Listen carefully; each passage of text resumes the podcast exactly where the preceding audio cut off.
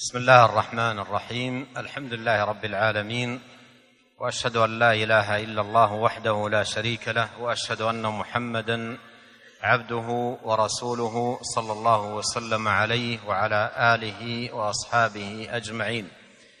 اللهم لا علم لنا إلا ما علمتنا اللهم علمنا ما ينفعنا وزدنا علما.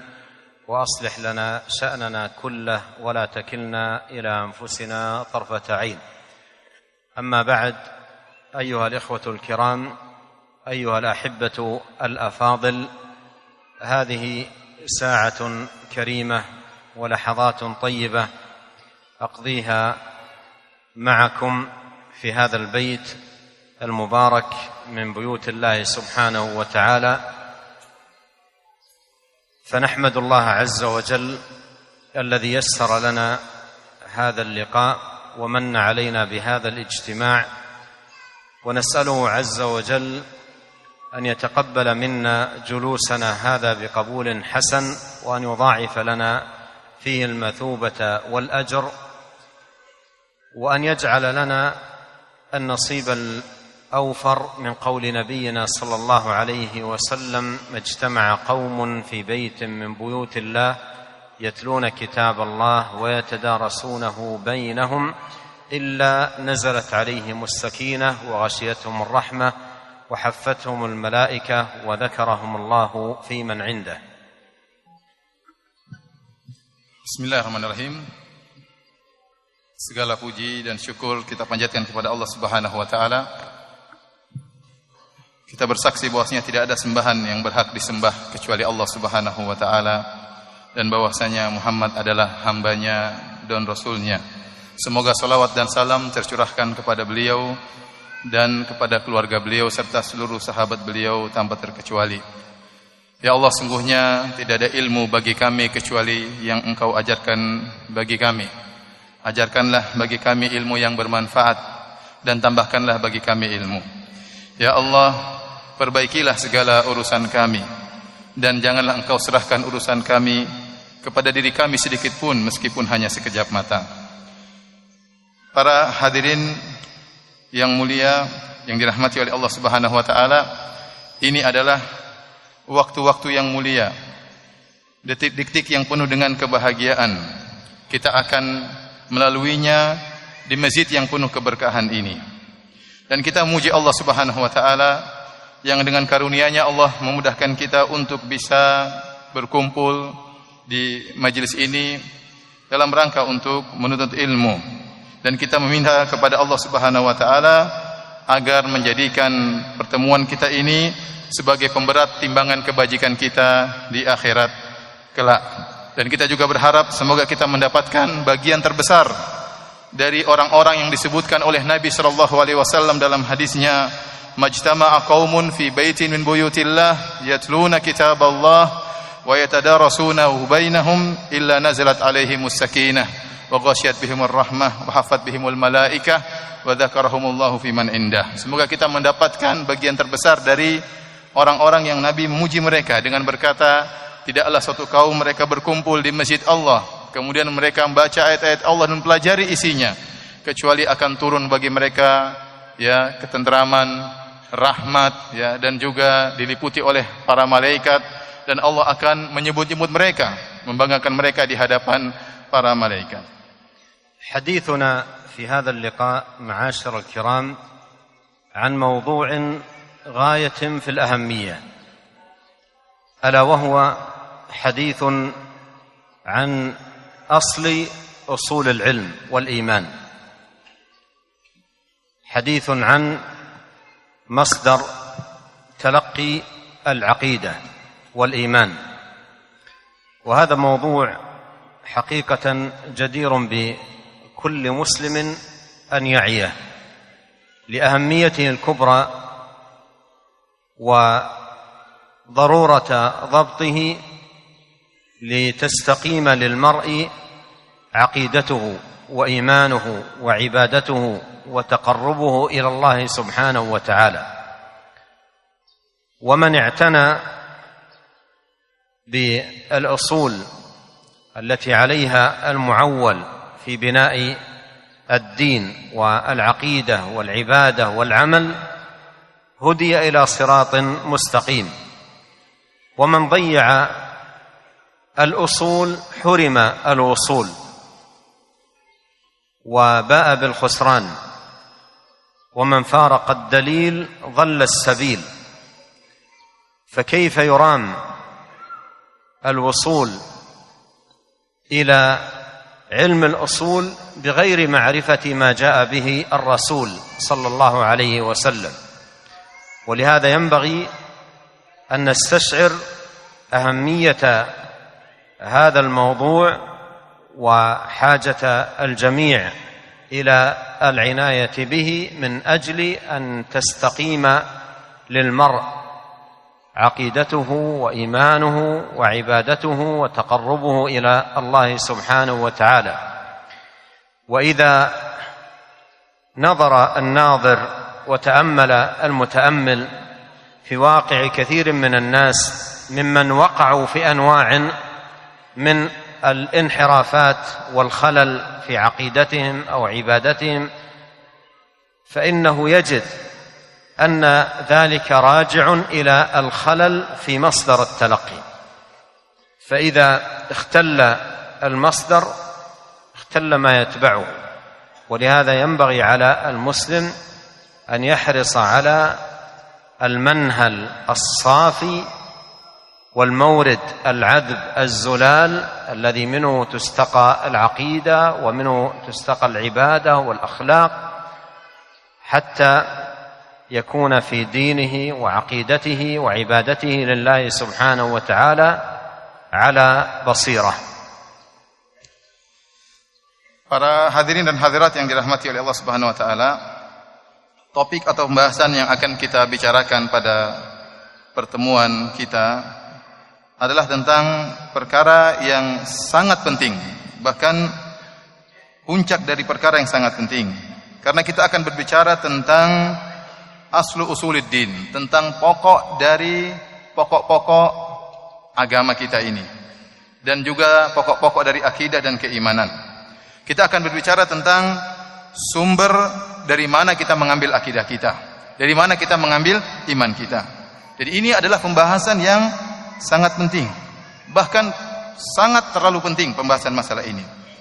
Oleh karena seorang harus benar-benar memperhatikan masalah ini agar dia bisa tahu benarkah sumber akidah yang dia pegang, benarkah sumber iman yang dia ambil darinya, Apakah benar akidah yang dia ambil adalah akidah yang dipegang oleh orang-orang terdahulu, orang-orang yang mulia terdahulu dalam sehingga dengan mengambil sumber-sumber terdahulu yang dipegang oleh orang-orang para sahabat radhiyallahu taala anhum maka akan kuat akidahnya dan juga kuat ibadahnya. Barang siapa yang meninggalkan dalil Man faraqad dalil dhalla sabil. Barang siapa yang meninggalkan dalil maka dia akan tersesat jalannya.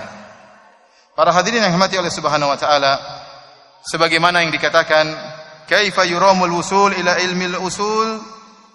Bagaimana seorang bisa berharap sampai kepada ya tujuan terutama perkara-perkara yang perkara-perkara yang pokok kemudian dia tidak mengetahui apa yang dibawa oleh Nabi sallallahu alaihi wasallam. Seorang berusaha untuk menghadirkan dalam hatinya tentang pentingnya pembahasan ini. Bahwasanya kita semua butuh untuk mengerti apa sumber akidah dan sumber iman kita. Agar apa? Kalau kita benar dalam mengambil sumber akidah kita, sumber iman kita, maka akidah kita akan lurus. Ibadah kita juga akan menjadi lurus. Dan barang siapa yang melihat tentang kondisi kaum muslimin, ya di zaman kita ini kita akan dapati banyak sekali khurafat, ya. Banyak sekali ya kesalahan-kesalahan, penyimpangan-penyimpangan dalam masalah akidah Demikian juga dalam masalah-masalah ibadah. Permasalahannya apa? Kenapa timbul penyimpangan dalam masalah akidah? Kenapa timbul penyimpangan dalam masalah ibadah? Permasalahannya karena salah dalam mengambil sumber. Salah dalam mengambil sumber akidah ataupun sumber ibadah. Oleh karenanya, seorang muslim harus semangat ya untuk bisa mengenal apa sumber akidahnya yang murni. Karena dia ingin ibadahnya murni, ingin akidahnya murni, maka dia harus berusaha mencari sumber akidah yang murni juga. وبين يدي هذه هذا الموضوع أذكر بدعوة عظيمة جاءت في ثبتت في صحيح مسلم وغيره. ينبغي أن نعنى بها وأن ندعو بها بكثرة. فإن عليا رضي الله عنه قال قلت يا رسول الله علمني دعاء أدعو الله به. فقال قل اللهم اهدني وسددني. وفي رواية اللهم إني أسألك الهدى والسداد. قال واذكر بالهداية هداية الطريق وبالسداد سداد القوس. والحاصل أن المسلم ينبغي أن يحرص في حياته كلها على الهدى والسداد فيلح على الله في دعائه وسؤاله وطلبه أن يهديه لأن الهداية بيد الله والسداد والتوفيق بيده جل في علاه.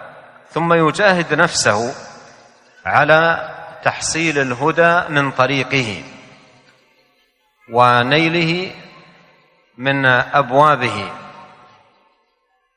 لا أن يذهب المذاهب المختلفة والطرائق المتباينة ثم يطلب في الوقت نفسه الهدى وقد ضيع طريقه. أعني أن من أراد الهدى والسداد عليه أن يدعو ربه كثيرا أن يهديه وأن يسدده وأن يلزم أيضا في الوقت نفسه طريق السداد مجاهدا نفسه على ذلك.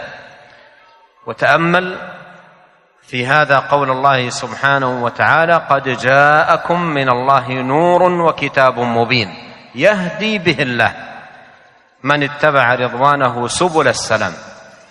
ويخرجهم من الظلمات إلى النور بإذنه ويهديهم إلى صراط مستقيم. فهذا شأن وحي الله سبحانه وتعالى نزل فيه الهداية ولا هداية إلا بوحي الله. لا يمكن أن تنال هداية إلا بوحي الله سبحانه وتعالى المنزل. ولهذا قال الله عز وجل إن هذا القرآن يهدي للتي هي أقوم. فمن أراد الهداية فليهتدي بالقرآن وليطلب هدايته بوحي الرحمن الذي نزله هداية للعباد ونورا للعالمين ومخرجا للناس من الظلمات إلى النور بإذن الله سبحانه وتعالى وهاديا إلى siratallahi al-mustaqim. Selanjutnya, eh, Syekh mengingatkan kepada kita semua tentang pentingnya berdoa kepada Allah Subhanahu wa taala. Sebagaimana disebutkan dalam riwayat Ali bin Abi Thalib radhiyallahu taala anhu pernah minta doa kepada Nabi sallallahu alaihi wasallam, "Ya Rasulullah, ajarkanlah aku doa." Maka apa kata Nabi sallallahu alaihi wasallam mengajarkan doa kepada beliau, "Allahumma hdini wa saddidni." Artinya ya Allah, berilah petunjuk kepadaku dan luruskanlah aku.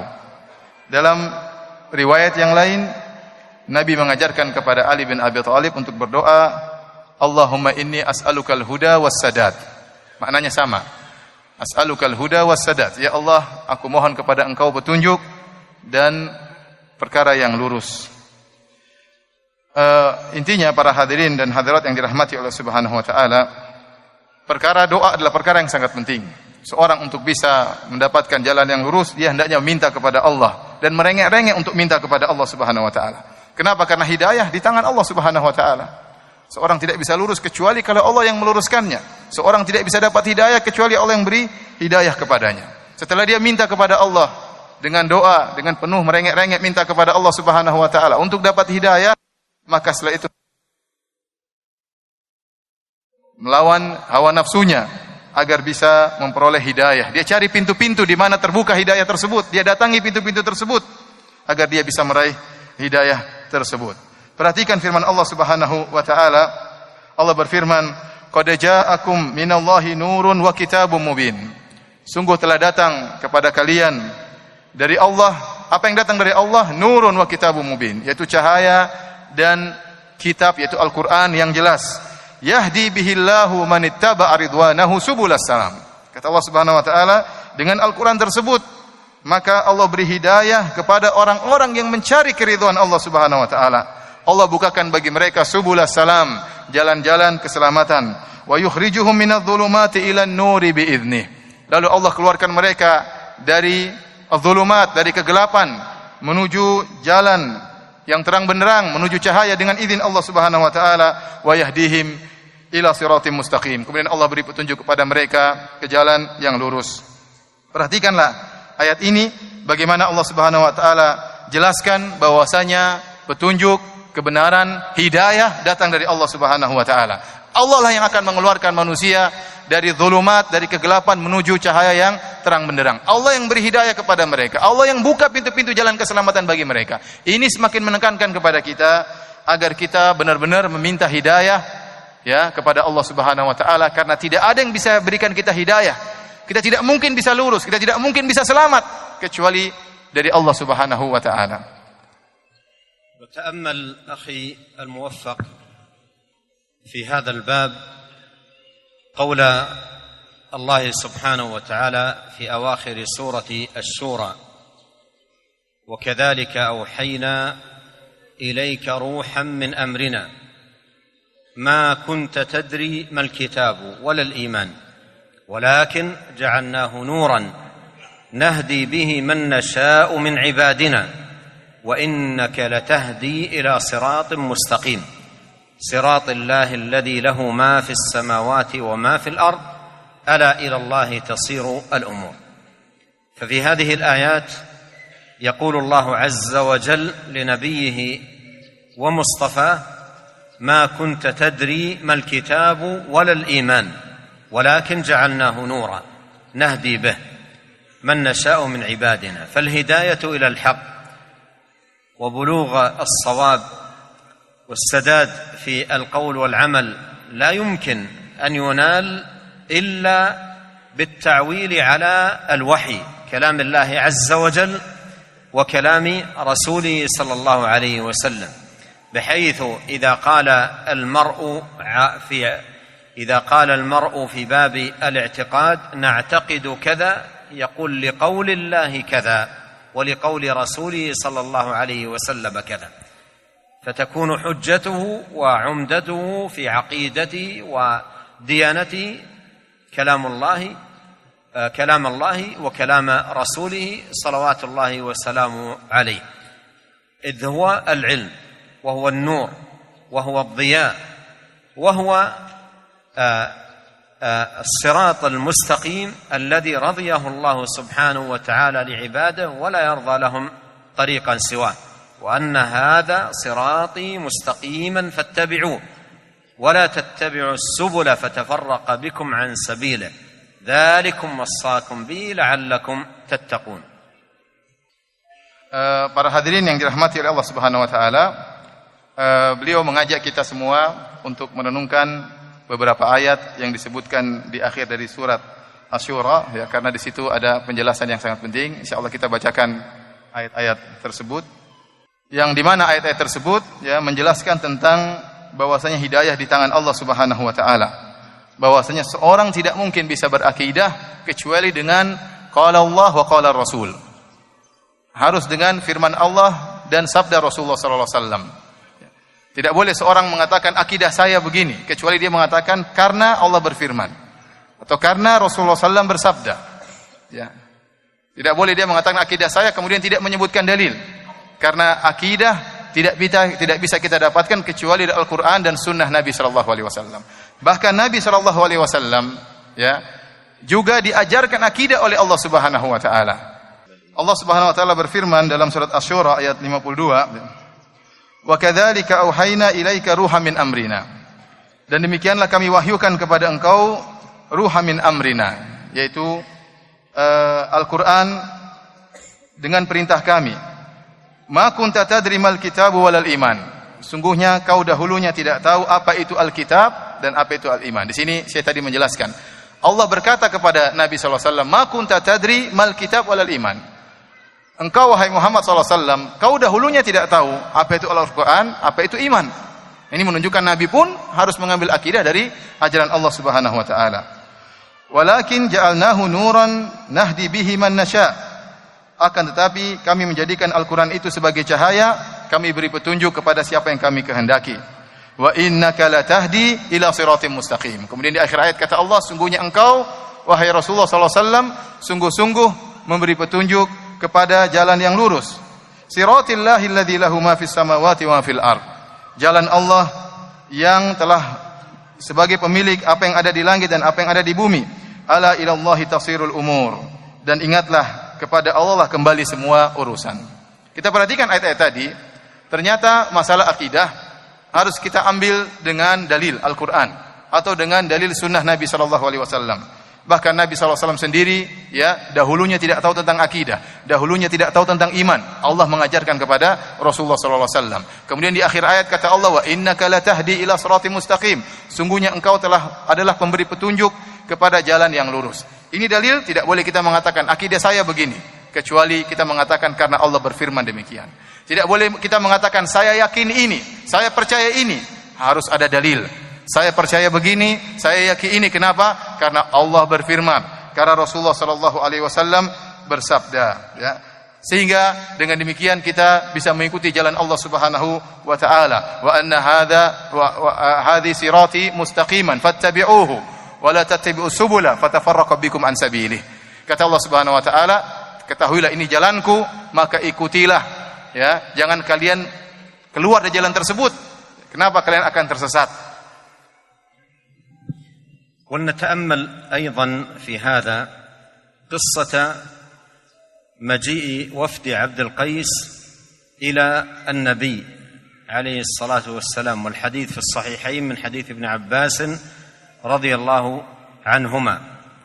وفي هذا الحديث قال النبي صلى الله عليه وسلم لهم آمركم بالإيمان بالله. أتدرون ما الإيمان بالله؟ فماذا كان جواب هذا الوفد المبارك رضي الله عنهم وأرضاهم؟ قال أتدرون ما الإيمان بالله؟ قالوا الله ورسوله أعلم. قالوا الله ورسوله أعلم. وهذا يؤكد لنا مسألة نحتاج كثيرا إلى أو يحتاج الناس كثيرا إلى أن يعوها وهي أن الإيمان والدين والعقيدة تعرف من جهة الكتاب والسنة. قالوا الله ورسوله أعلم. يعني لا يمكن أن تعرف إلا من جهة الوحي من جهة كلام الله وكلام رسوله صلى الله عليه وسلم. لا مجال لمعرفتها من أي طريق آخر إلا من طريق الوحي. فكل طريق يظن أنه يوصل المرء إلى العقيدة الصحيحة غير طريق الكتاب والسنة فهو وهم. وانحراف وجور عن صراط الله المستقيم وعلى الله قصد السبيل ومنها جائر. فالطريق المستقيم بالاعتقاد الصحيح والدين القويم الذي رضيه الله سبحانه وتعالى لعباده ولا يرضى لهم دينا سواه لا يكون إلا من خلال الوحي كلام الله وكلام رسوله عليه الصلاة wassalam.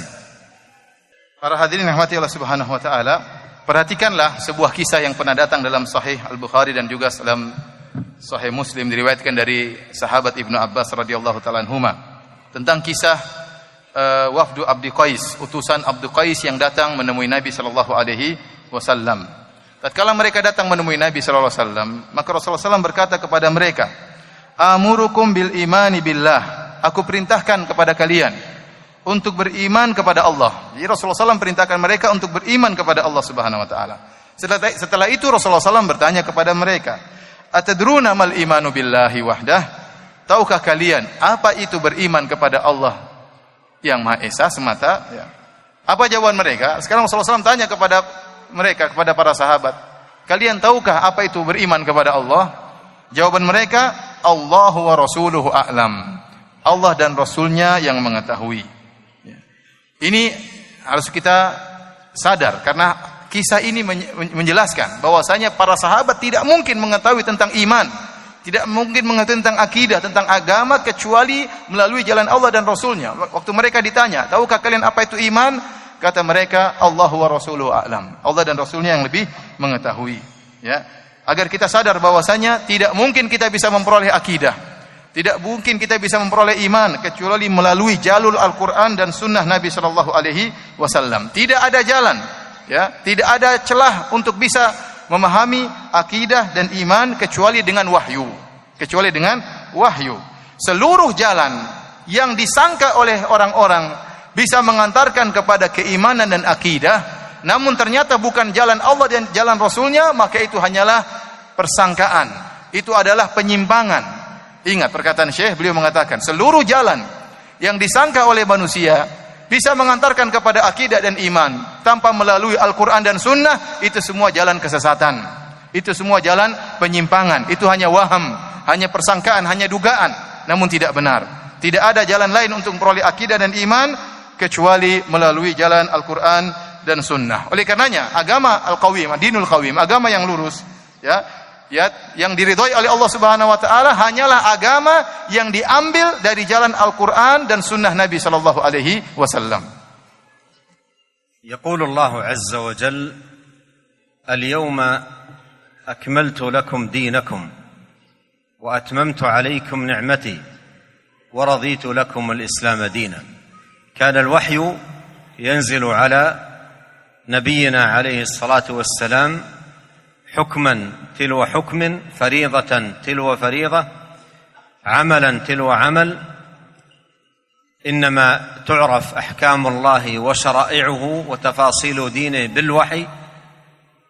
فكانت تنزل آيات الله عز وجل بالأحكام والشرائع والأعمال. حكما تلو حكم إلى أن كمل بالدين بوحي الله رب العالمين. فنزلت هذه الآية اليوم أكملت لكم دينكم وأتممت عليكم نعمتي ورضيت لكم الإسلام دينا. مات بعدها عليه الصلاة والسلام بثمانين أو ثلاث وثمانين سنة ولم ينزل بعدها من آيات الأحكام شيء. لأن دين الله سبحانه وتعالى كمل وتم تماما لا نقص فيه. ومن أراد أن يزيد في الكامل فزيادته نقصان. من أراد أن يزيد في الكامل زيادته فيه نقصان لأن الكامل لا يزاد عليه. ولهذا يجب ان أن يعلم في هذا الباب أن دين الله كامل وأن مصدره كتاب الله وسنة نبيه عليه الصلاة والسلام. وليحذر ما سوى ذلك. ولهذا قال الإمام مالك رحمه الله كلمة قوية في هذا الباب. قال من قال في الدين بدعة حسنة فقد زعم أن محمدا صلى الله عليه وسلم خان الرسالة. لأن الله يقول اليوم أكملت لكم دينكم وأتممت عليكم نعمتي ورضيت لكم الإسلام دينا. فما لم يكن دينا زمن محمد صلى الله عليه وسلم وأصحابه فلن يكون دينا إلى قيام الساعة. ولن يصلح آخر هذه الأمة إلا بما صلح به أولها Para hadirin dan hadirat yang dirahmati oleh Allah Subhanahu wa taala, Allah telah berfirman menjelaskan tentang sempurnanya agama ini. Allah berfirman, "Al-yauma akmaltu lakum dinakum wa atmamtu 'alaikum ni'mati wa raditu lakum al-Islam madina." Pada hari ini aku telah sempurnakan bagi kalian agama kalian dan aku telah sempurnakan nikmatku bagi kalian dan aku ridha Islam sebagai agama kalian. Kita tahu bahwasanya wahyu turun kepada Nabi sallallahu alaihi wasallam sedikit demi sedikit, bertahap, tahapan demi tahapan.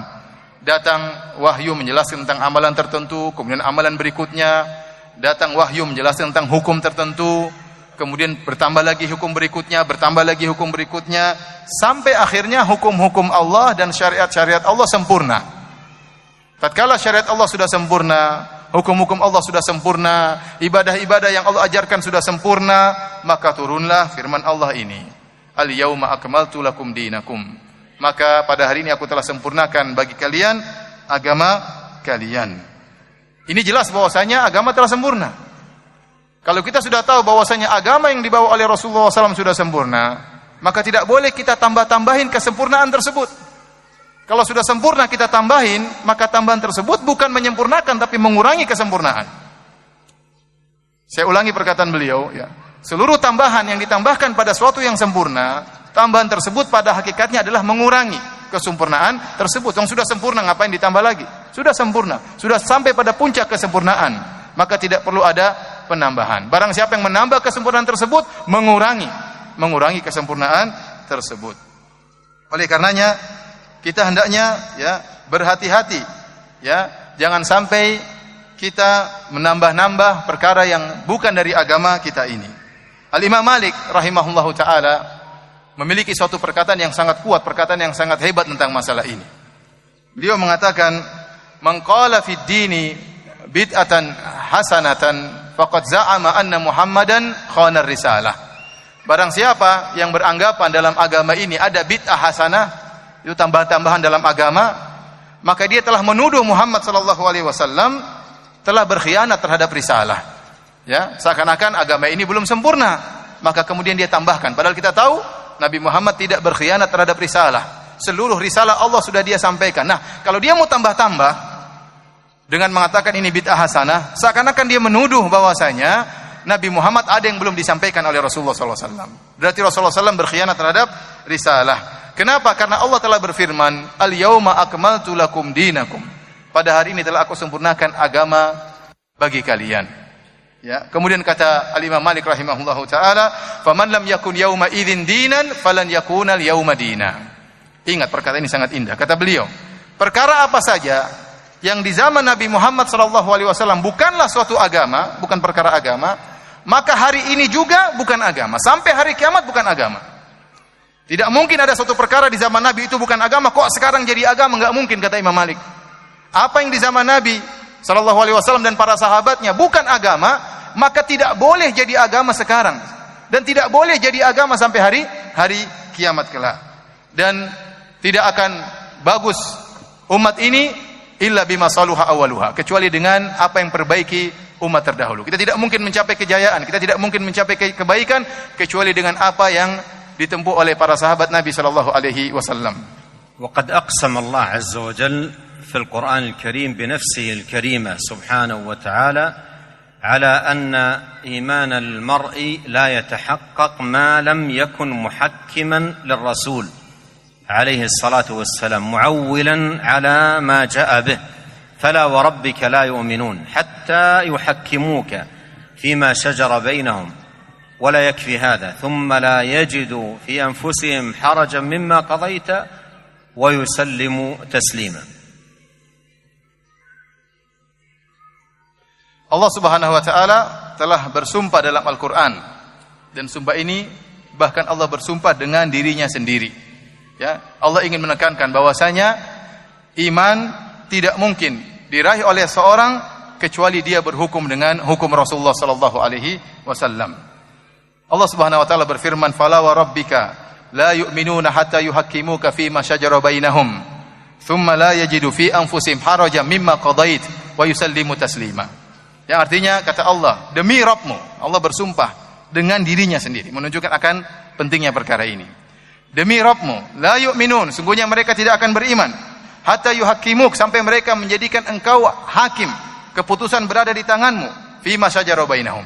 Pada perkara-perkara yang mereka perselisihkan. Ya bukan cuma itu saja. Allah tidak berhenti sampai di situ. Kita menjadikan Rasulullah SAW sebagai hakim sebagai pengambil keputusan bukan cuma di situ. Kemudian kata Allah Subhanahu wa taala menyebutkan syarat yang lain. Fi haraja mimma qadait. Kemudian mereka tidak menemukan dalam hati mereka ya ketidaksukaan.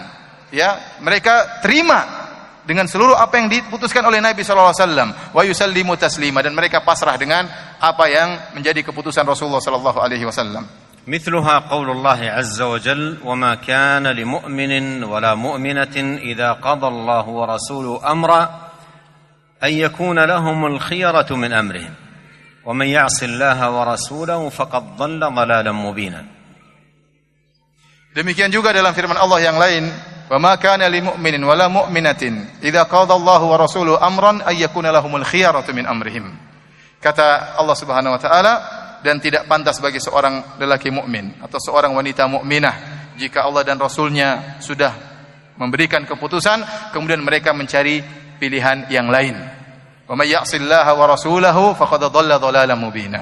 Barang siapa yang bermaksiat kepada Allah dan Rasulnya, maka sungguh dia telah sesat dengan kesatan yang nyata. Jadi kalau Allah dan Rasulnya sudah kasih keputusan, tidak boleh kita mencari pilihan-pilihan yang lain.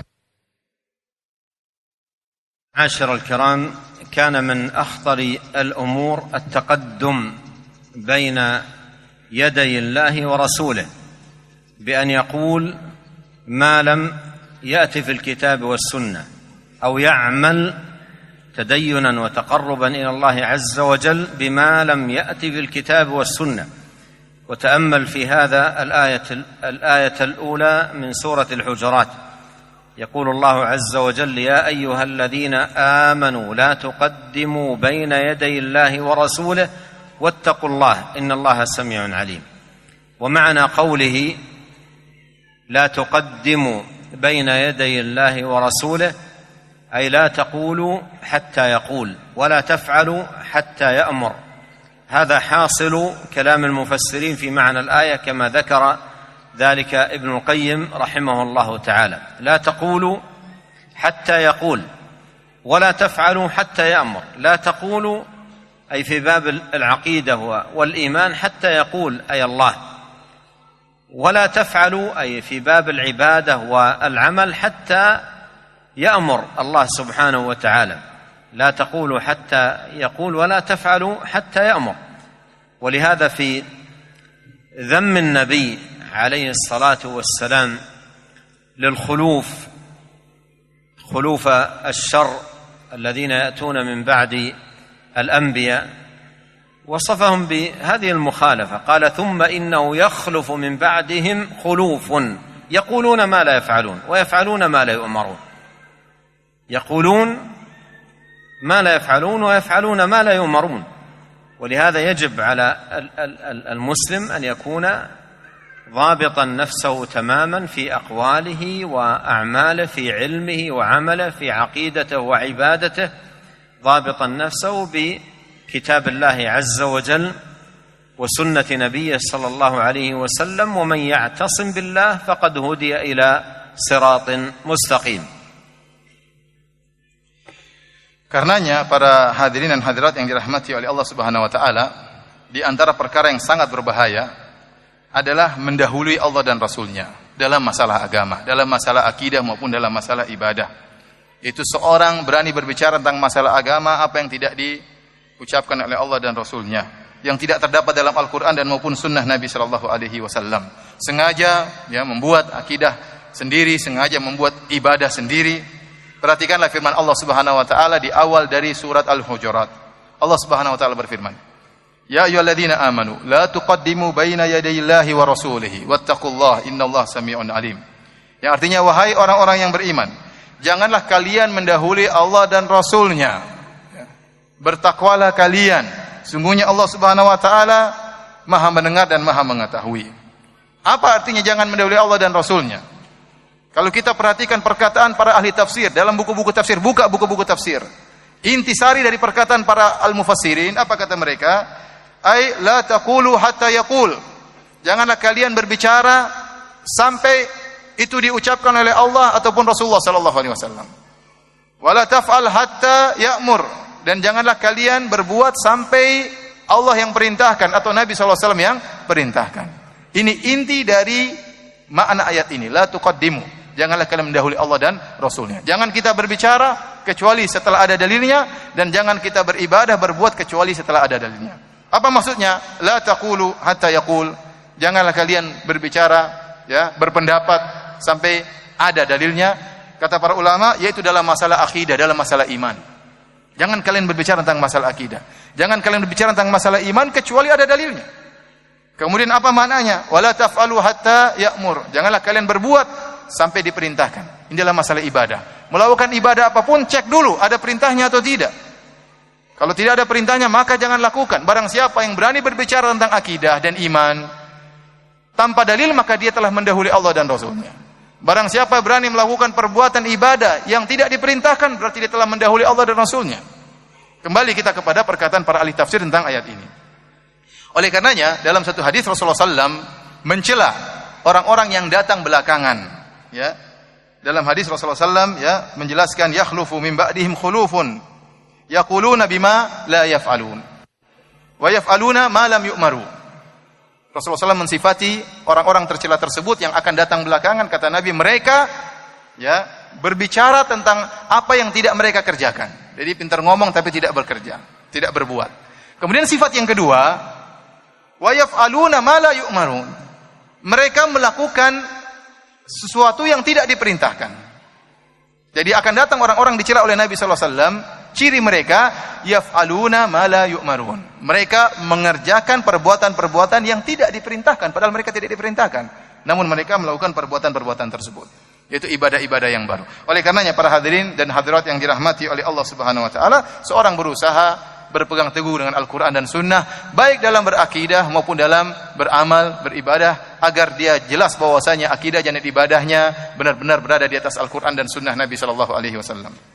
ومن اعظم المحرمات واكبرها القول على الله بلا علم وان تقولوا على الله ما لا تعلمون والمراد بلا علم اي بلا علم بالمصدر والمعول كلام الله وكلام رسوله صلى الله عليه وسلم.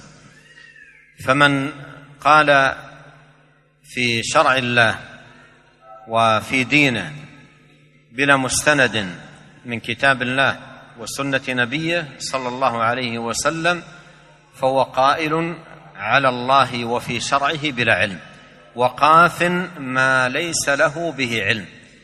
وقد قال الله تبارك وتعالى ولا تقف ما ليس لك به علم ان السمع والبصر والفؤاد كل اولئك كان عنه مسؤولا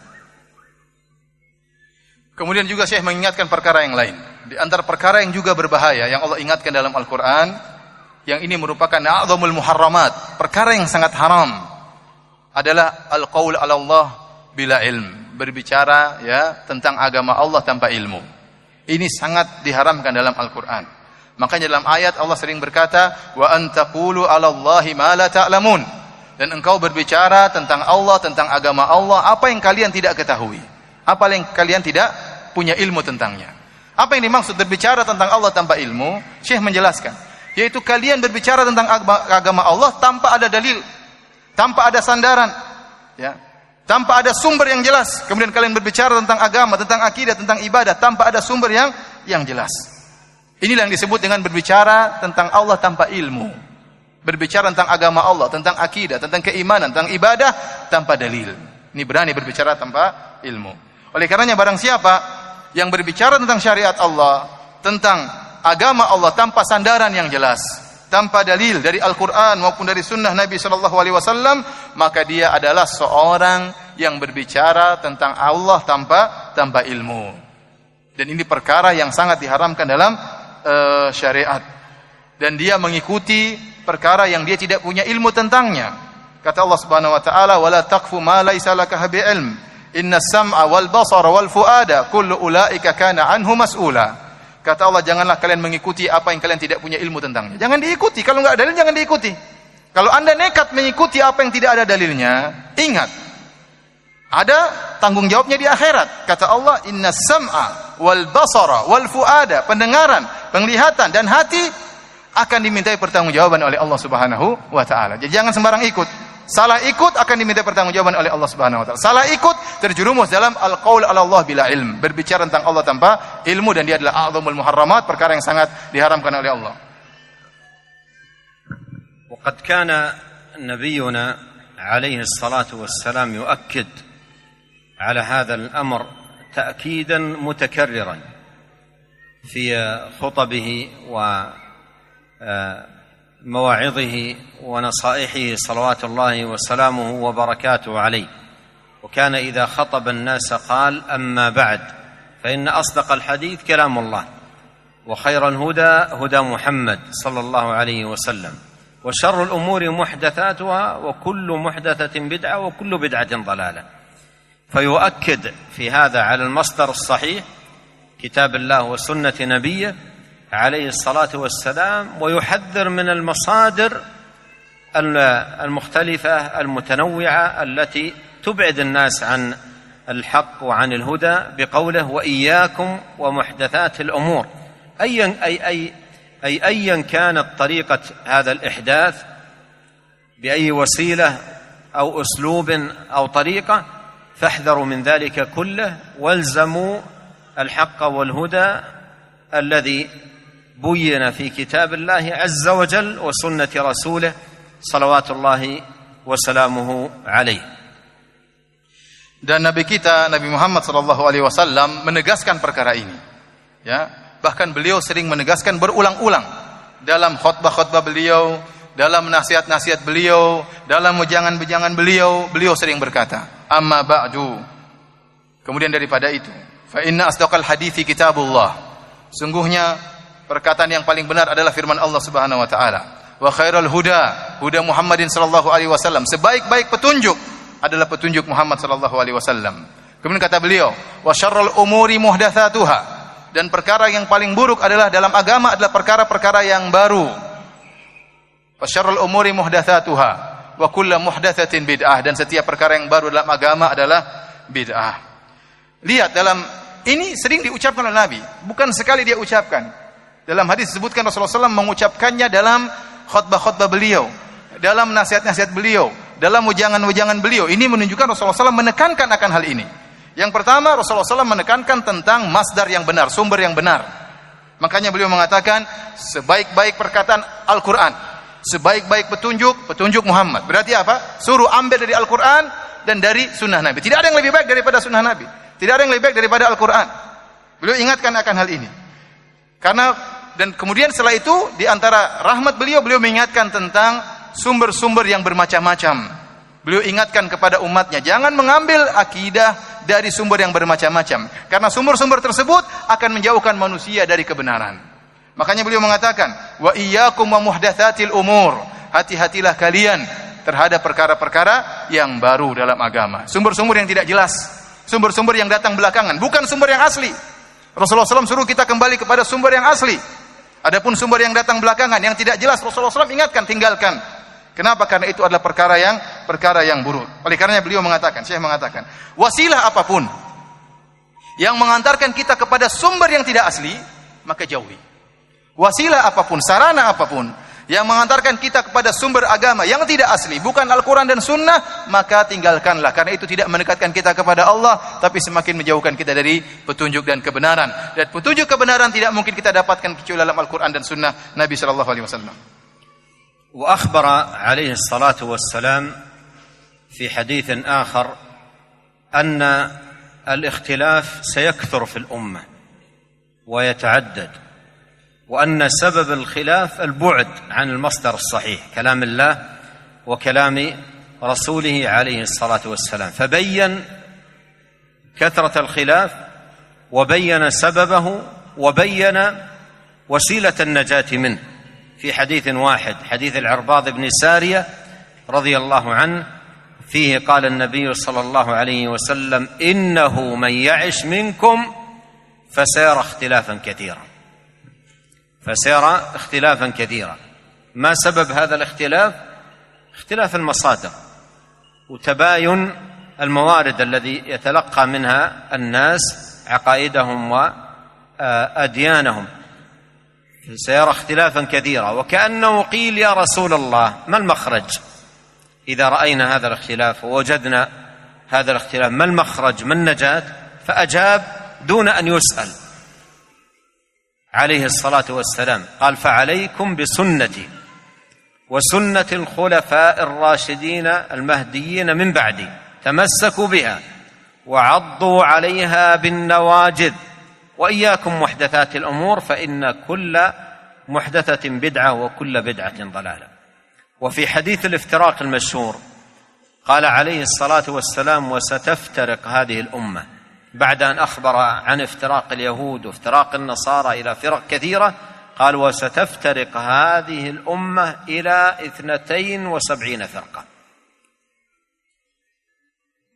قال كلها في النار. وهذا وعيد. كلها في النار إلا واحدة. قيل من هم يا رسول الله؟ فماذا كان؟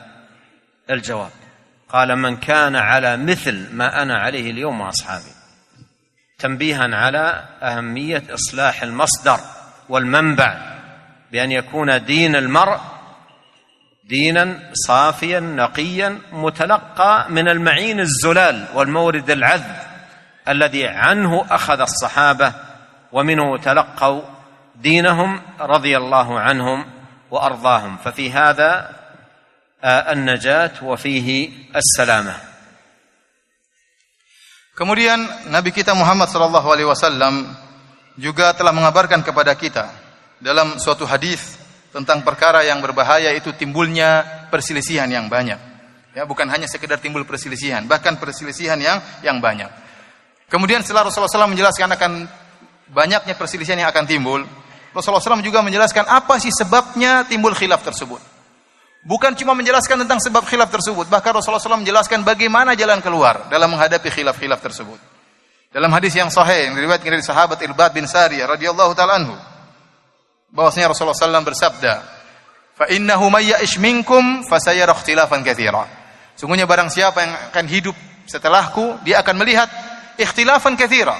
Banyak sekali perselisihan. Banyak sekali perselisihan. Apa sebabnya perselisihan tersebut? Tidak lain sebabnya karena perbedaan sumber.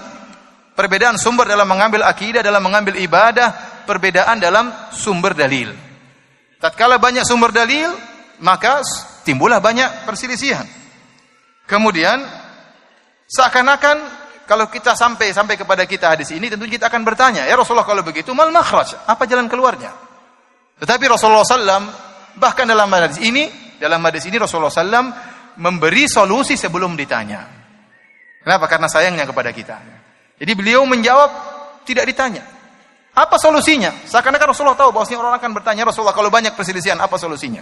Maka Rasulullah SAW eh, berkata, "Alaikum bisunnati, fa alaikum bisunnati, wa sunnatil khulafa'ir rasyidin al-mahdiyyin min ba'di, addu 'alaiha bin nawajib." Kata Nabi sallallahu alaihi wasallam, hendaknya kalian pegang teguh sunnahku dan sunnah para khulafa ar-rasyidin, sunnah para sahabat. Gigitlah dengan geraham kalian. Ini jalan keluarnya, solusinya.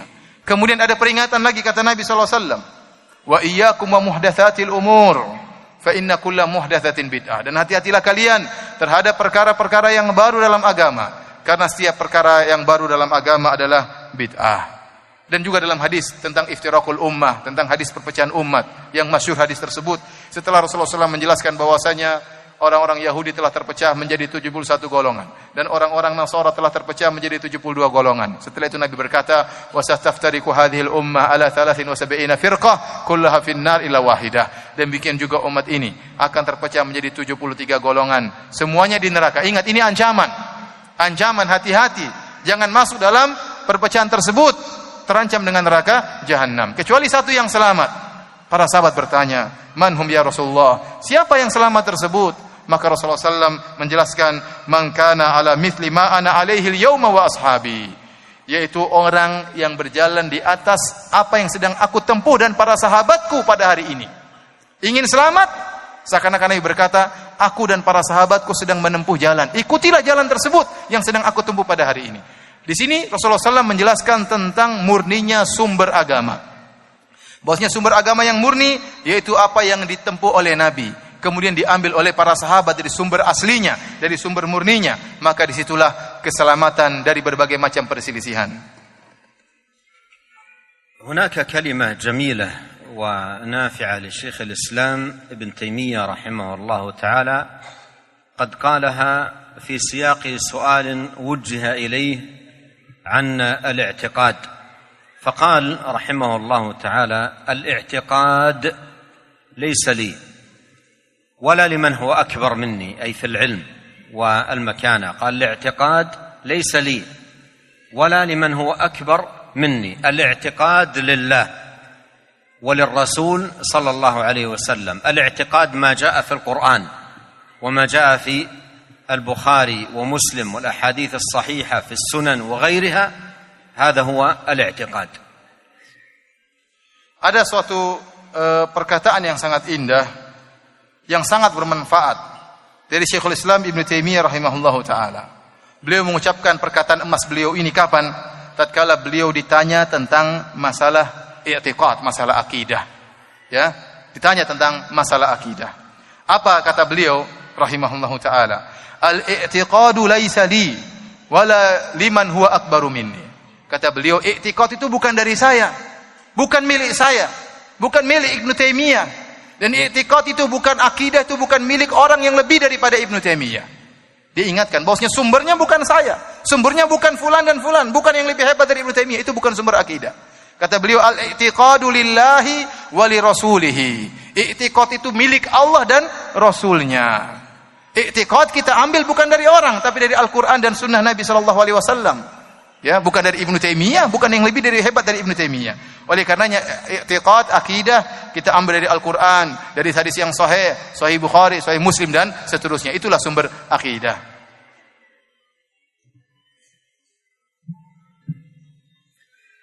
ولهذا معاشر الاحبه الكرام اذا تاملنا في كتب السلف ومن اتبعهم بإحسان نجد الفرق بينها وبين غيرهم في هذا الباب العظيم الذي هو مصدر التلقي.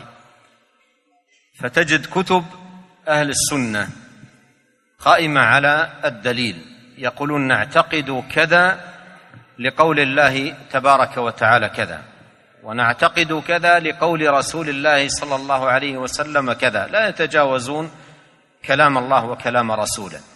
كما قال الأوزاعي رحمه الله ندور مع الكتاب والسنة حيث دار يقول الإمام أحمد رحمه الله نصف الله بما وصف به نفسه وبما وصفه به رسوله صلى الله عليه وسلم لا نتجاوز القرآن والحديث. هذه جادة أهل السنة وطريقتهم في قديم الزمان وحديثه. أما من سواهم فلهم موارد. ومصادر مختلفة كثيرة بسبب اختلافها اختلفت عقائدهم وتباينت طرائقهم وبعدوا عن الحق والهدى بحسب بعدهم عن كتاب الله وسنة نبيه صلوات الله وسلامه عليه. Beliau mengingatkan ya maka barang siapa yang memperhatikan buku-buku yang ditulis oleh salafus saleh tentang akidah. Jadi banyak buku-buku akidah sampai kepada kita dengan dalil Al-Qur'an dan Sunnah juga dengan tulisan-tulisan yang dibuat oleh para imam-imam terdahulu, para salafus saleh. Kemudian kita bandingkan dengan buku-buku selain dari para imam-imam tersebut. Orang-orang sekarang nulis, orang belakangan nulis tentang akidah, kita akan dapati perbedaan yang sangat besar. Ya, perbedaan yang sangat besar dalam hal masalah sumber pendalilan, dalam hal sumber akidah. Oleh karenanya kalau kita lihat buku-buku ahlu sunnah, buku-buku imam terdahulu tentang masalah akidah, ya, kita akan dapati mereka berkata, na'taqidu kadza liqaulihi ta'ala kadza. Kami berakidah begini dan begini. Kenapa? Karena Allah berfirman demikian. Wa na'tu hadza liqauli Nabi sallallahu alaihi wasallam kadza wa kadza. Kami berakidah demikian demikian. Kenapa? Karena hadis Rasulullah sallallahu alaihi wasallam. Begitu buku akidah mereka. Oleh karenanya, mereka la yatajawazuna al-Qur'an wa sunnah. Mereka tidak berani melewati Al-Qur'an dan sunnah. Mereka tidak berani berhenti di mana Al-Qur'an berhenti. Mereka berhenti di mana sunnah berhenti. Makanya Al-Auza'i rahimahullah pernah berkata, "Naduru ma'al sunnah haitsu dara." Kami berputar bersama sunnah di mana pun dia berada. Kami bersama sunnah di mana pun dia berada. Kami tidak berani melampaui sunnah Nabi. Kami berhenti di mana sunnah tersebut berhenti. Kemudian Imam Ahmad rahimahullahu taala pernah berkata, "Nasifullah bima wasafallahu la natajawaz Ahmad rahim kami tatkala dia berbicara tentang masalah sifat, masalah akidah, kami mensifati Allah Subhanahu wa taala dengan sifat-sifat yang Allah sifatkan dirinya sendiri. Dan kami mensifati sifat-sifat Allah dengan yang disifatkan oleh Rasulnya. Kami tidak berani melewati Al-Quran dan Sunnah. Ini perkataan Imam Ahmad. Kami tidak berani mendahului Allah dan dan Rasulnya. Dan demikianlah jadatu ahli sunnah. Demikianlah seluruh ulama ahlu sunnah tatkala menulis buku-buku tentang akidah selalu disertai dengan dalil Al-Quran dan Sunnah Nabi Shallallahu Alaihi Wasallam. Adapun selain mereka, kalau kita lihat buku-buku selain ahlu sunnah wal jamaah tentang masalah akidah, maka kita akan dapat di sumber mereka bermacam-macam. Ya, Sumber mereka bermacam-macam, pengambilan mereka berbeda-beda. Akhirnya timbullah berbagai macam perselisihan di antara mereka. Kenapa? Karena sumbernya berbeda-beda. Timbullah tarekat-tarekat, timbullah muncul jalan-jalan dan metode-metode. Semakin mereka menjauh dari Al-Quran dan Sunnah, semakin mereka menjauh dari kebenaran. Mereka semakin menjauh dari kebenaran, sejauh mana mereka meninggalkan Al-Quran dan Sunnah Nabi Sallallahu Alaihi Wasallam.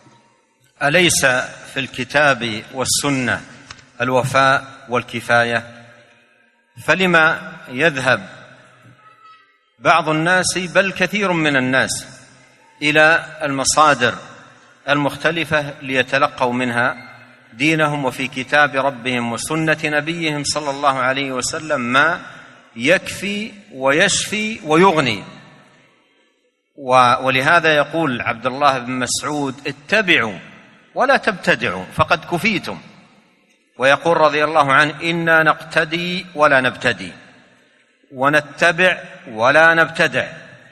ولن نضل ما تمسكنا بالأثر. uh, beliau menjelaskan bukankah dalam Al-Qur'an dalam Alkitab dan sunnah-sunnah Rasulullah SAW sudah mencukupi ya. buat apa kita mencari sumber-sumber yang lain ingin berakidah, ingin beribadah, cukup Al-Quran dan Sunnah. Buat apa cari sumber-sumber yang yang lain? Oleh karenanya banyak, banyak orang mencari sumber-sumber akidah mereka, sumber-sumber ibadah mereka. Ternyata Al-Quran dan Sunnah sudah cukup. Sudah cukup. Masih kurang apa lagi? Ya.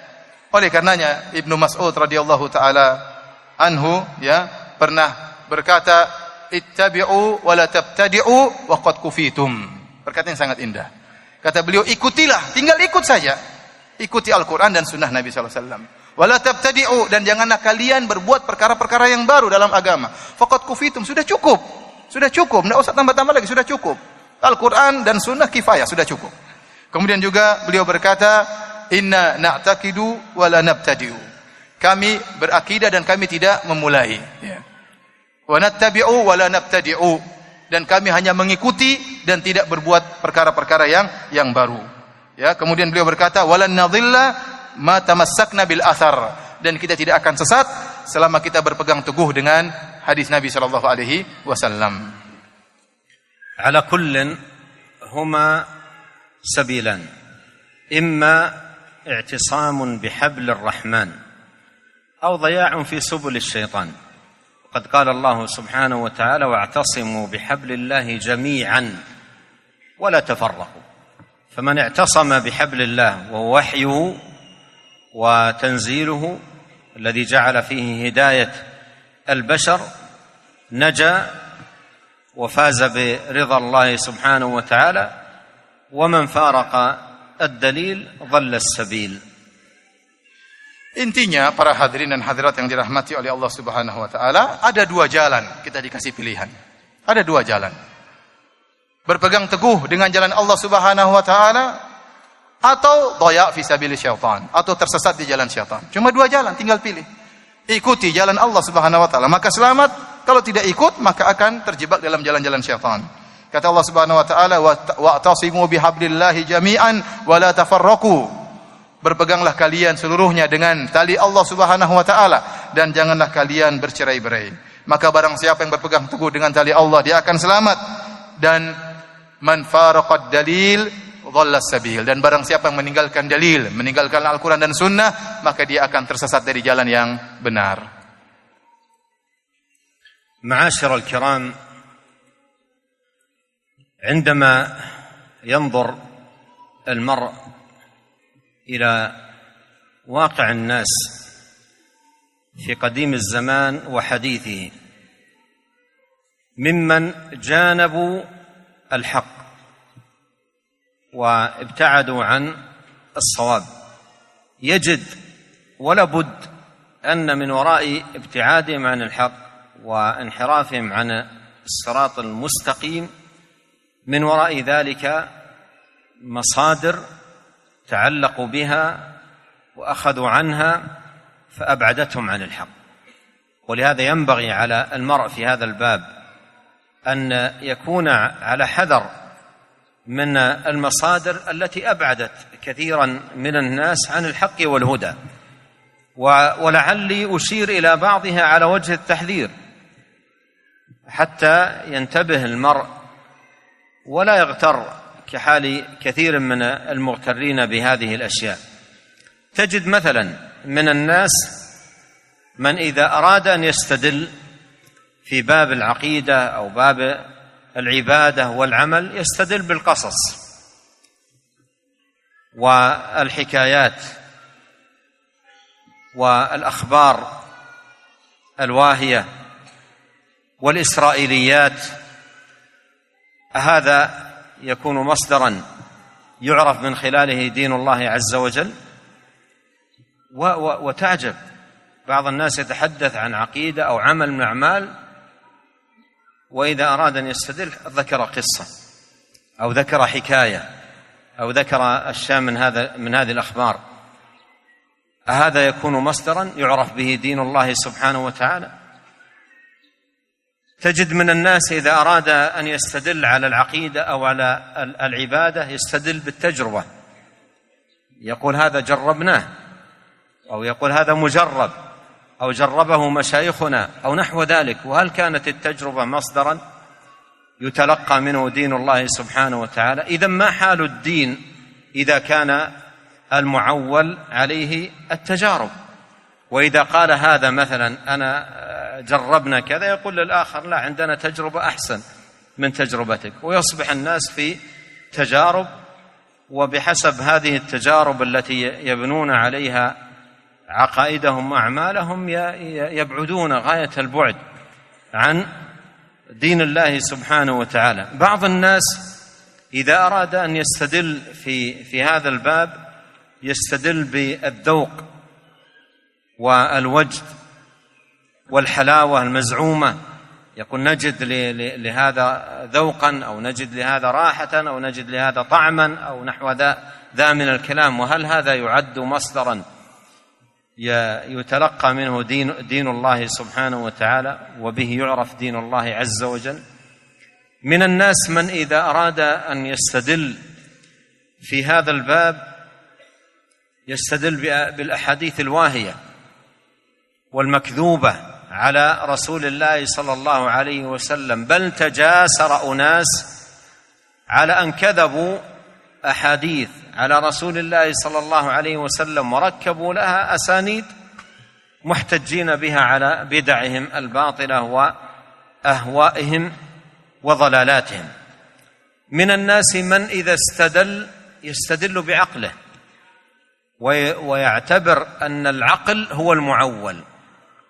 وأن العقل هو العمدة يستدل بعقله. وإذا قيل إن الحجة هو العقل يأتي سؤال كبير في هذا الباب. عقل من؟ عقول كثيرة جدا. عقول كثيرة. عقل من؟ إذا قيل إن الحجة العقل. يقال عقل من؟ العقول مختلفة.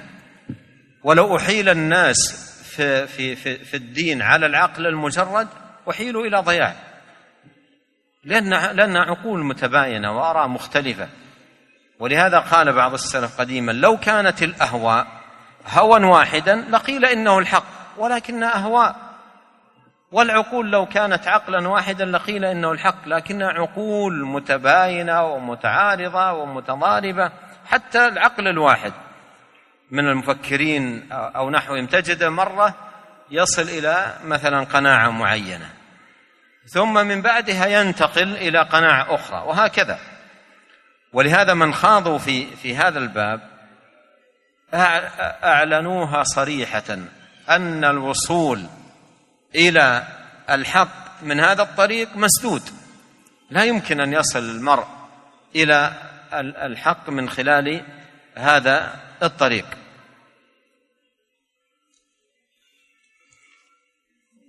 Para hadirin dan hadirat yang dirahmati oleh Allah Subhanahu wa taala.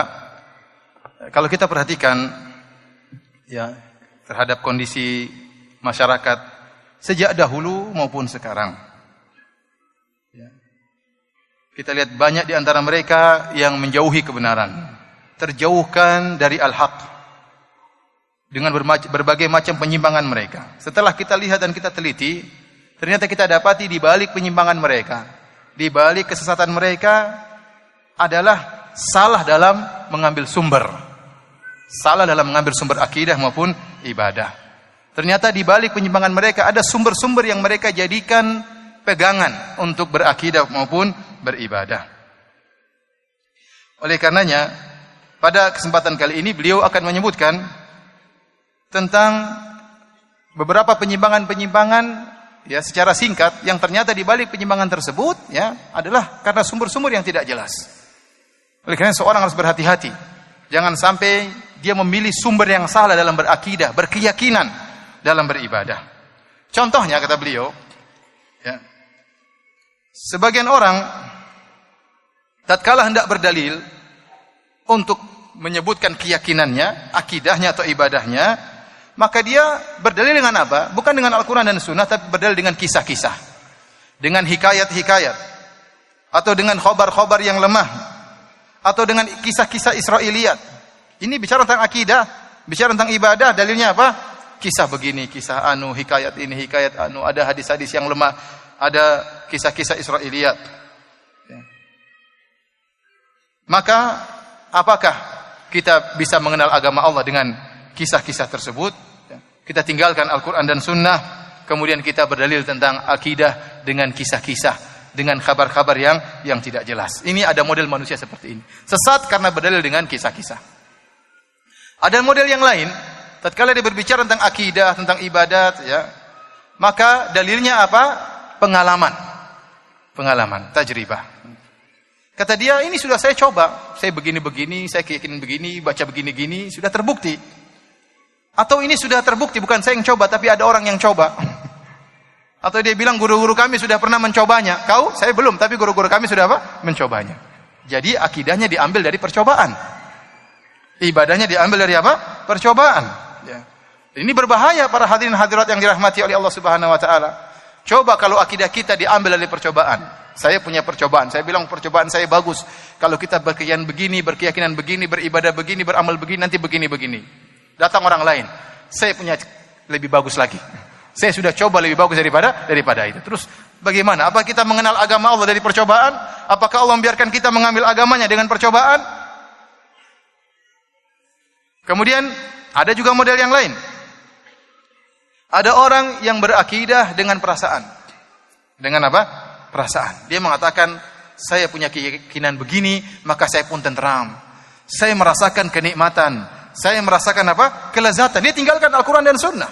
Dia ikuti perasaan dia. Dia ikuti ya apa yang dia rasakan dalam dadanya. Ya. Nah, apakah agama Allah diambil dengan perasaan manusia? Ya. Ya, perasaanmu enak, perasaan yang tidak enak. Terus gimana? Ya, mana yang jadikan patokan? Perasaan siapa? Masa akidah diambil dari perasaan? Ini model yang lain. Ada model berikutnya lagi. Sebagian orang berdalil untuk akidahnya atau ibadahnya dengan hadis-hadis yang palsu. Sebutkan hadisnya begini begini begini dari Nabi Shallallahu alaihi wasallam bersabda. Ternyata dicek hadisnya adalah hadis-hadis yang palsu. Dan kita dapati telah muncul banyak orang yang sengaja membuat hadis palsu. Membuat sanad palsu dia pasangkan dalam hadis Nabi Shallallahu alaihi wasallam. Kenapa? Untuk mendukung keyakinannya, untuk melariskan akidahnya yang sesat. Kemudian dia pun membuat hadis palsu dengan pasangkan hadis-hadis yang yang palsu. Apakah agama diambil dari hadis-hadis yang palsu? Tentunya tidak. Kemudian ada sebagian orang lagi yang modelnya lain lagi. Dia berdalil untuk memunculkan akidahnya, dia berdalil dengan akalnya, dengan akalnya. Dia merasa akalnya sebagai patokan. Dia kagum dengan akalnya, maka dia bilang akal saya menunjukkan demikian. Jadi sumber akidahnya adalah ada akalnya, adalah akalnya. Taib. Kalau kita setuju dengan orang-orang seperti ini bahwasanya sumber akidah boleh dari akal, timbul pertanyaan yang sangat besar. Kalau kita boleh mengambil akidah dari akal manusia, terus akalnya siapa yang mau dijadikan patokan? Akal saya apa akal ente? Akalnya siapa? Dan ukul kathirah dan akal banyak sekali. Akalnya orang Bugis apa akalnya orang Jawa? Banyak sekali. Akal banyak sekali. Akalnya siapa mau dijadikan patokan? Ya. Oleh karenanya dahulu para ulama ya mengatakan tentang bahayanya mengikuti hawa nafsu, ya.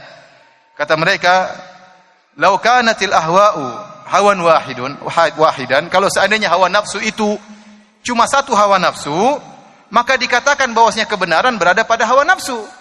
Yang jadi masalah hawa nafsu itu bermacam-macam. Nafsu ini lain dengan nafsu yang lain, nafsu ini lain si fulan dengan lain yang lain berbeda. Sama kita katakan tentang akal.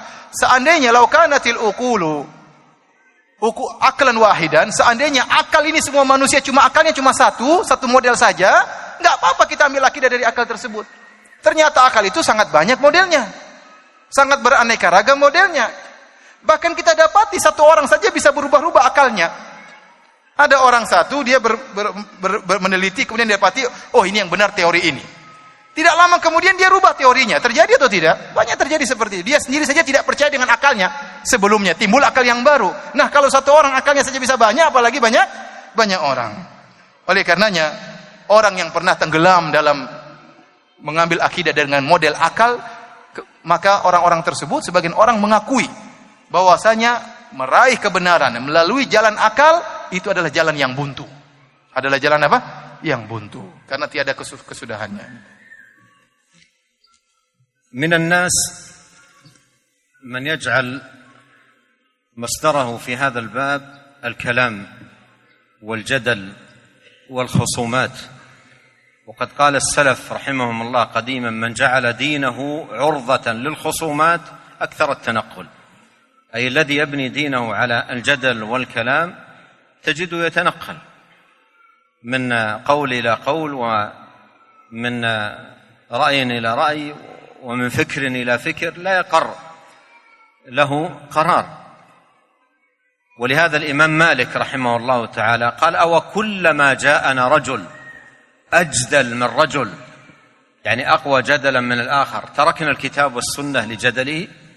أو كلما جاءنا رجل اجدل من رجل تركنا الكتاب والسنة لجدله. مرة جاء إليه رجل إلى الإمام مالك وقال أريد أن أتناظر معك. فقال له مالك رحمه الله فإن غلبتني؟ قال تتبعني. قال فإن غلبتك؟ قال اتبعك. قال فإن جاء شخص ثالث غلبنا؟ قال نتبعه. قال يا هذا دين الله ليس لمن غلب. الدين ليس لمن غلب. الدين ليس خصومات وجدل والذي يسكت الآخر هو صاحب الحق. ليس هذا الدين. الدين كتاب الله وسنة رسوله عليه الصلاة والسلام. قد يختصم اثنان. في الانتصار لقول معين ويكون كلاهما بعيد عن الحق. ويسكت أحدهما الآخر وكلاهما أصلا بعيد عن الحق. فالدين ليس لمن غلب. الدين قال الله قال رسوله صلى الله عليه وسلم. Model berikutnya kata beliau, ada sebagian orang yang menjadikan sumber akidahnya adalah perdebatan, jidal, debat, ya. dijadikan sebagai sumber akidah. Oleh karenanya sebagian salaf dahulu pernah berkata, ya, man ja'ala dinahu raudatan lil khusumat aktsara tanaqul. Barang siapa yang menjadikan agamanya adalah tempat untuk perdebatan, ya, tempat untuk debat-debatan, maka dia akan sering berpindah-pindah sering akan berubah. Artinya apa? Pendapatnya gini, berubah lagi, berubah lagi, akidahnya dulu begini, berubah lagi, berubah lagi. Kenapa? Karena dia tergantung siapa yang menang debat. Tergantung siapa yang yang menang debat, ya. Dia akan berpindah dari satu pendapat ke pendapat yang yang lain. Tidak ada kekokohan dalam akidahnya. Tidak ada ketetapan dalam akidahnya. Oleh karenanya Imam Malik pernah berkata dengan perkataan yang indah, "Awa kullama ja'ana rajulun ajdadul min rajulin, tarakna al-kitaba wa sunnah." Li jadalihi kata Imam Malik rahimahullah apakah setiap ada orang datang lebih jago berdebat daripada kita kemudian kita tinggalkan Al-Qur'an dan sunnah gara-gara dia jago berdebat? Kalau agama sumber agama adalah perdebatan maka yang semakin paling jago debat itu yang benar. Datang seorang kepada Imam Malik berkata wahai Imam Malik saya ingin debat dengan engkau. Lihat cerdasnya Imam Malik. Saya ingin debat dengan engkau masalah agama. Apa kata Imam Malik Fa'in golab tani, kalau kau yang menang debatnya, kata dia, ittabi ini, kalau gitu kau ikut saya, wahai Imam Malik. Baik. Kalau kau yang menang, berarti Imam Malik ikut dia. Kemudian pertanyaan berikutnya, wa in tuka, kalau saya yang menang gimana? Kata Imam Malik. Kata dia, attabi'uka, kalau gitu saya ikut kau. Kata Imam Malik. Terus kalau datang laki-laki yang lain, kemudian ngalahin kita semua, ya kita ikut dia katanya. ya udah tinggal pindah-pindah saja. Maka Imam Malik berkata, "Ya hadza dinullah laisa liman ghalab." Wahai fulan, agama itu agama Allah itu bukan milik orang yang paling menang berdebat. Ya. Agama Allah adalah dengan Al-Qur'an dan sunnah Nabi sallallahu alaihi wasallam. Bahkan kita dapati ada dua orang saling berdebat, dua orang berdebat, masing-masing punya pendapat debat, debat, debat, debatan. Ya. Ternyata yang satu menang. Ternyata dua-duanya keliru, yang benar tempat lain, pendapat yang lain yang benar. Sudah capek berdebat, saling membela sama-sama apa? Keliru. Ini terjadi seperti ini. Ya. Saling berdebat mati-matian, ternyata dua-duanya pendapatnya apa? Keliru. Jadi agama bukan dengan perdebatan, tapi dengan Al-Quran dan Sunnah Nabi Shallallahu Alaihi Wasallam. من الناس من إذا أراد أن يستدل يستدل بالمنام والرؤى لماذا تعمل كذا يقول رأيت في المنام أو يقول رأى شيوخنا في المنام وهل كان المنام مصدرا للاستدلال؟ وكم تضيع أديان الناس وعقائدهم إذا كان أعمالهم تبنى على المنامات وتصبح الدعاوى الفجة العريضة تكثر بين الناس فتجد فيهم العقائد المختلفة والأعمال المنكرة وكل يبني على آه، المنام آه، الذي يراه سواء كان مدعا أو كانت من أو كان ما رآه في منامه من الشيطان أو غير ذلك. ولهذا كم ضاعت من عقائد وأعمال كثير من الناس بسبب هذه الحجة المزعومة. يبني دينه على ما يراه ولهذا ما يراه في منامه. ولهذا بإجماع أهل العلم أن الرؤى المنامية لا يمكن أن تكون مصدرا للاستدلال. لا يمكن أن يؤخذ حكم أو عقيدة من الرؤية المنامية. Beliau menjelaskan lagi, ada model manusia yang lain yang berdalil dengan kesalahan dalam mengambil akidah, yaitu sebagian orang berdalil dengan mimpi. Mimpi, ya. Dia mimpi melihat sesuatu dalam mimpinya, kemudian dia bertindak, dia berakidah, dia melakukan amalan. Waktu ditanya, "Kenapa kau berbuat demikian? Ini ibadah dari mana datangnya?" Kata dia, "Saya lihat dalam mimpi." Dalam mimpi. Atau dia mengatakan saya lihat guru saya, syekh saya ngajarin saya seperti ini. Ya. Oleh karenanya kalau kita mengikuti akidah, mengambil akidah atau ibadah dari mimpi-mimpi maka akan banyak rusak amalan, hilang agama-agama orang. Kenapa? Karena berdasarkan mimpi. Oh, mimpi ini berbeda dengan mimpi yang lain dan seterusnya.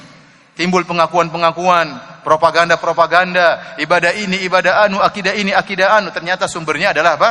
Adalah mimpi. Adalah mimpi. Ya, maka timbullah bermacam-macam akidah, timbullah bermacam-macam amalan yang berasal dari dari mimpi. Oleh karenanya, beliau mengatakan para ulama telah ijma, ijma ulama. Tidak ada khilaf dalam ulama. Kalau kita katakan ijma, konsensus, berarti tidak ada ulama yang khilaf. Bahwasanya mimpi tidak boleh dijadikan masdar hukum. Mimpi tidak boleh dijadikan sumber hukum. Seorang tidak boleh kemudian mengambil hukum dengan melihat apa? Dari mimpinya. Ini kesepakatan para ulama. وهناك أيضا حجة قديمة في هذا الباب باب الاستدلال متكررة بتكرر بعثات المرسلين عليه السلام عليهم عليهم السلام. كما في الآية الكريمة قول الله عز وجل وكذلك ما أرسلنا في قرية من نذير إلا قال مترفوها إنا وجدنا آباءنا على أمة وإنا على آثارهم مقتدون. هذه حجة قديمة ولا تزال باقية. بعض الناس إذا أراد أن يستدل في عمل أو يسأل لماذا تعمل هذا العمل يقول الآباء وهذه طريقة الآباء وطريقة آه، الأجداد ولا يمكن أن أحيد عن طريقة الآباء قيد أنملة مع أن هذا الشخص الذي يقول هذا الكلام لو قيل له عن شخص آخر في اعتقاد آخر وفي مذهب آخر وفي طريقة أخرى قيل إنه يعتقد هذا الأمر لا لشيء إلا لكونها طريقة الآباء لم لم يرضه ذلك. وقال ما يمكن. فكما أننا نحن كما أننا نحن سنكون أبناء لاباء لأبناء فيما بعد. ونحن آه، على قناعة أننا نخطي ونصيب الآباء أيضا يخطئون ويصيبون. ليس ليسوا بمعصومين. فالحجة إنما هي في كلام الله عز وجل وكلام رسوله عليه الصلاة والسلام. أما آه، التعويل على ما كان عليه مجرد ما كان عليه الآباء والأجداد هذا ليس ليس بحجة ولا مستند. وإذا قيل الحجة فيما كان عليه الآباء والأجداد يأتي سؤال مهم في هذا الباب. آباء من؟ إذا كان الحجة فيما كان عليه الآباء والأجداد. يأتي سؤال كبير جدا. آباء من؟ هؤلاء اباهم كذا وهؤلاء اباهم كذا وهؤلاء آباء من الذي تكون آه، آه، طريقتهم هي الصحيحة؟ فالحجة إنما هي في كلام الله وكلام رسوله عليه الصلاة والسلام. Para hadirin dan hadirat yang dirahmatkan dirahmati oleh Allah Subhanahu wa taala, uh, beliau juga menyebutkan model yang lain. Sebagian orang mengambil masdar akidah, sumber keyakinan, sumber untuk beramal dengan metode yang lama dan berulang-ulang. Sejak dulu sudah ada metode ini. Metode yang menyimbang tapi berulang-ulang. Yaitu apa? Ini warisan nenek moyang. Warisan nenek moyang. Dan ini sudah diingatkan oleh Allah dalam Al-Qur'an. Kata Allah Subhanahu wa taala, wa ma arsalna min fi qaryatin min nadhirin illa qala mutrafuha inna wajadna aba'ana ala ummah wa inna ala atharihim muqtadun kata Allah Subhanahu wa taala ya dan tidaklah kami mengutus pada setiap negeri seorang pemberi peringatan itu seorang rasul kecuali orang-orang tersebut para pembesar-pembesarnya berkata kami sudah mendapati nenek moyang kami di jalan ini dan kami hanya tinggal mengikuti ajaran nenek moyang kami. Ini sudah setiap rasul mendapati seperti ini. Ternyata dalil metode ini mengikuti warisan nenek moyang itu dari dulu sampai sekarang masih ada. Tidak pernah selesai-selesai. Oleh karenanya saya mengingatkan bahwasanya adalah perkara yang salah ya. Dan ini bukan dalil al, al dalil Al-Qur'an dan Sunnah. Oleh karenanya coba kita kita dapati orang yang seperti ini, ada orang dia sangat berpegang teguh dengan uh, warisan nenek moyangnya. Padahal salah. Tapi kalau kita ceritakan kepada dia, eh ada orang lain tentang orang lain yang punya keyakinan yang lain, yang juga berdalil dengan warisan nenek moyang yang lain, maka dia pasti menyelisih. Dia bilang, kenapa itu ikut nenek moyangnya? Padahal dia juga ikut nenek apa? Nenek moyangnya. Dia padahal juga dia juga ikut nenek nenek moyangnya. Kemudian para hadirin dan hadirat yang dirahmati oleh Allah Subhanahu wa taala, kita sangat yakin, ya, kita ini sekarang masih hidup dan kelak kita akan menjadi nenek moyang. Iya atau tidak? Yakin atau tidak besok jadi nenek moyang? Kita akan jadi nenek moyang. Dan kita tahu diri kita ini siapa? Apakah kita ini maksum tidak pernah salah? Atau kita tempatnya salah dan benar? Nah kalau ternyata suatu hari entah seribu tahun lagi, seribu tahun lagi kita sudah jadi nenek moyang, apakah pantas nenek apa cucu-cucu kita berdalil dengan kita padahal kita tahu kita tidak maksum?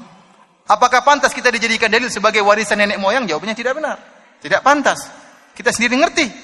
Kita tempatnya benar dan tempat apa? Salah. Suatu saat kelak kita akan menjadi apa? Nenek moyang. Dan tidak pantas kita dijadikan dalil. Taib. Kalau kita setuju, taruhlah kita setuju dengan perkataan banyak orang. Ini warisan nenek moyang. Taib. Kita setuju bahwasanya sumber akidah adalah warisan nenek moyang. Pertanyaan berikutnya. Nenek moyang siapa? Nenek moyang orang Bugis? Orang Jawa?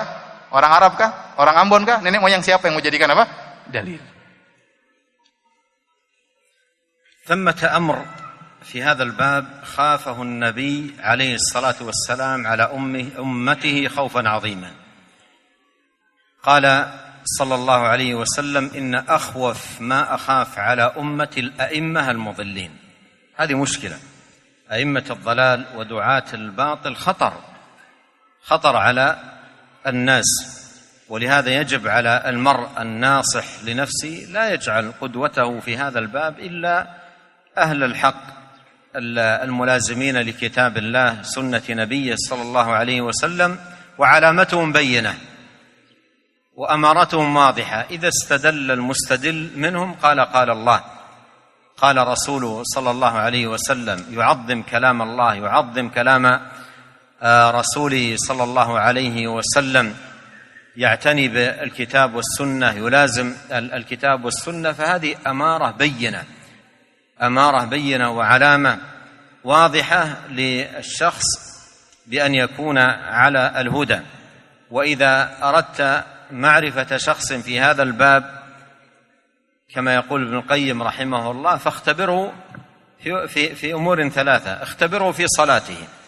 إذا كان يحافظ على آه، الصلاة يؤديها في الجماعة معتنيا بها معظما لها هذا الميزان الأول. والأمر الثاني اختبره في اتباعه للسنة وهدي النبي الكريم عليه الصلاة والسلام وملازمته لطريقة النبي صلوات الله وسلامه عليه.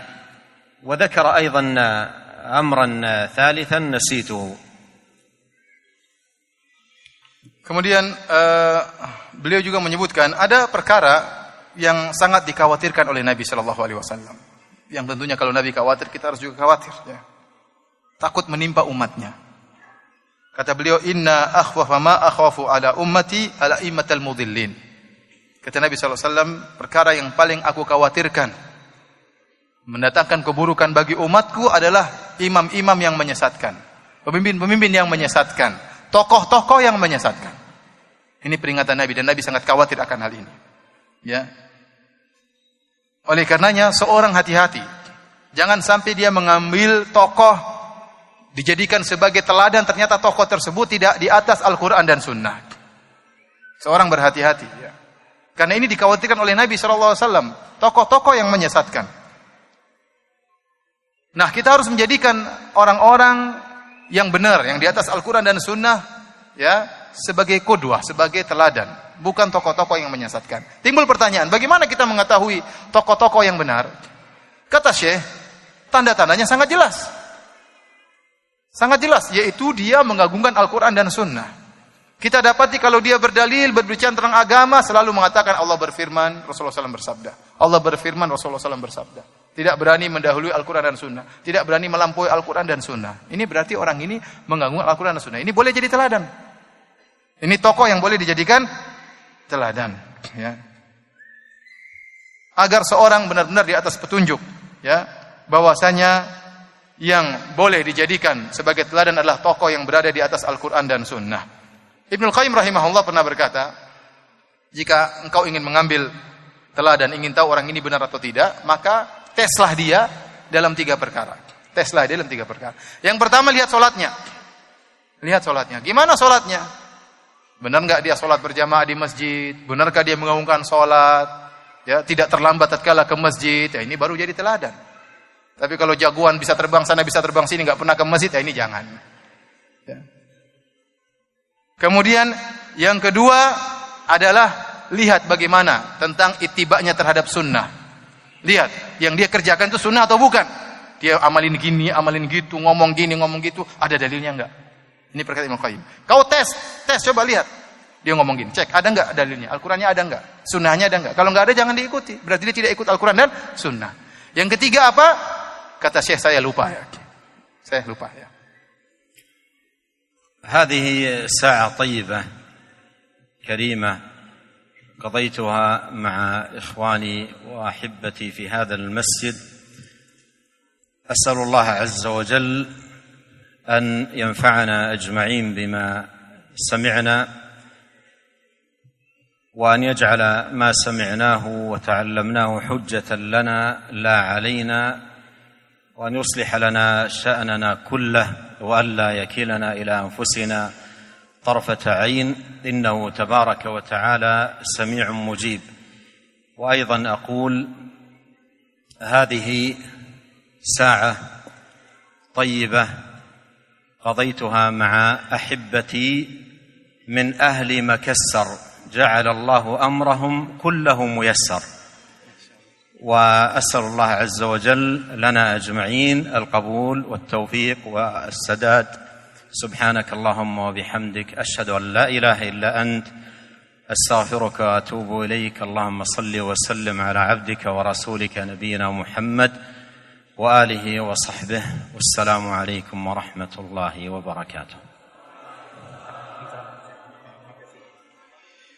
Uh, terakhir beliau mengatakan ini adalah detik-detik dan waktu-waktu yang telah aku lalui bersama orang-orang yang aku cintai, bersama saudara-saudaraku di masjid ini. Aku berdoa kepada Allah Subhanahu wa taala semoga ya Allah menjadikan apa yang kita dengar bermanfaat bagi kita. Dan semoga Allah menjadikan apa yang telah kita ilmui sebagai hujah pembela kita di akhirat kelak, bukan bumerang yang akan melawan kita. Dan semoga Allah Subhanahu wa taala meluruskan dan perbaiki segala urusan kita. Kemudian kedua kali beliau berkata, "Ini adalah saat-saat yang indah yang aku lewati bersama penduduk kota Makassar." Semoga Allah menjadikan perkara mereka muyassar. Muyassar artinya semoga mudah, ya. Dan semoga Allah Subhanahu wa taala menerima amalan ibadah kita. Demikianlah para hadirin dan hadirat yang dirahmati oleh Subhanahu wa taala, kajian yang bisa kita sampaikan pada kesempatan kali ini karena kita harus segera uh, beranjak ke tempat yang lain lagi, waktu tidak terburu. Demikian saja, kurang lebihnya saya mohon maaf. Kita tutup dengan kafaratul majlis. Subhanakallah bihamdik, asyhadu an la ilaha illa anta, astaghfiruka wa atubu. Assalamualaikum warahmatullahi wabarakatuh.